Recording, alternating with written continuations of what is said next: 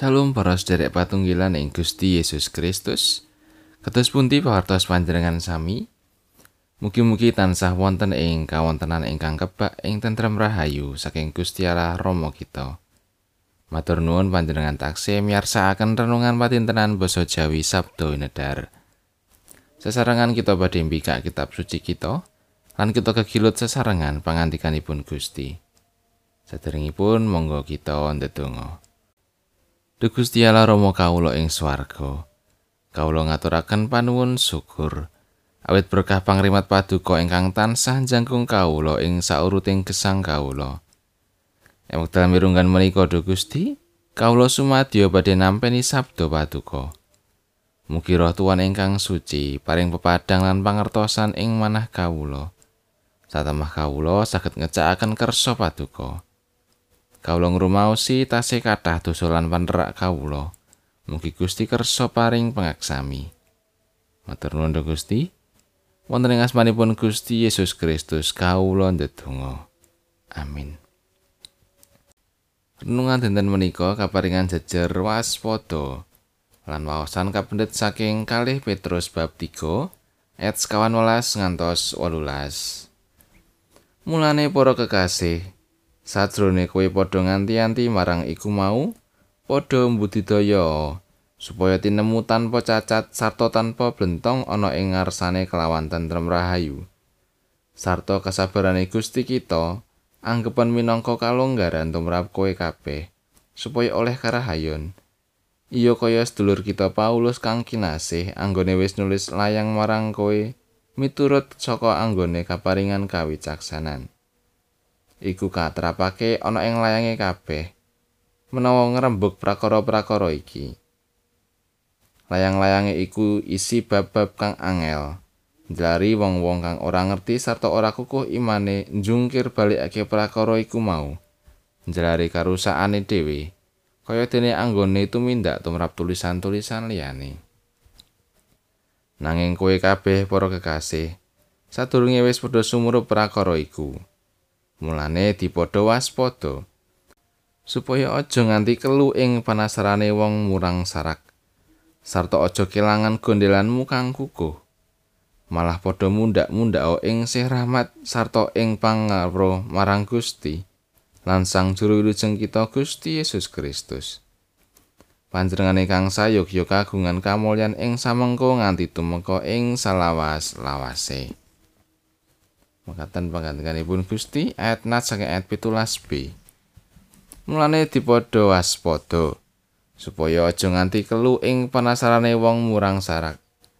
Sarta aja kelangan gondelanmu kang kukuh. Para sedherek kinasih, nalika kita gatosaken ira-iraan renungan dinten menika, menapa ingkang wonten ing pamawas kita? Waspada menika dados tunggaling sikep ingkang boten sembrono lan tansah ngatos-atos.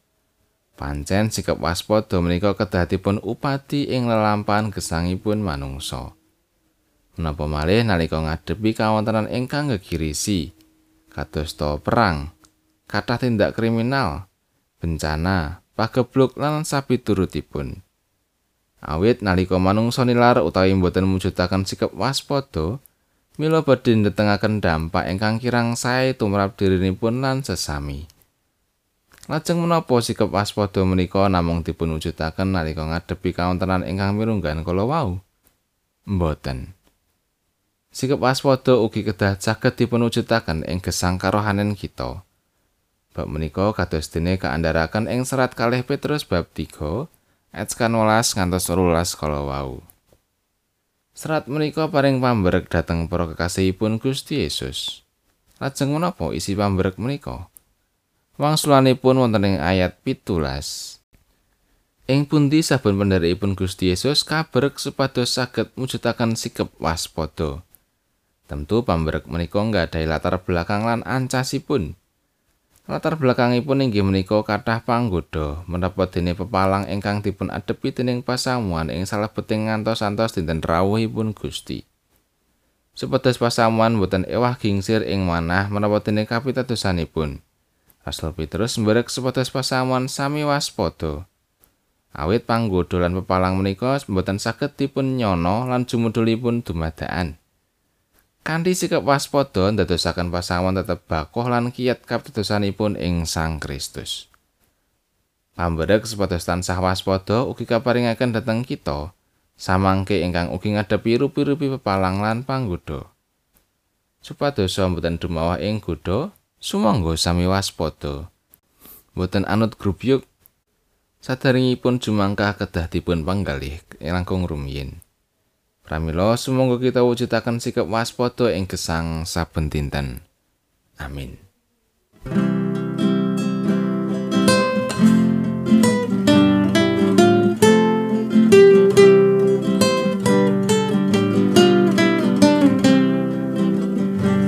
Wonten satunggal panggenan gumunung ing kasampurnan riku gesang tatan keku wetayang ning pati lumpuh.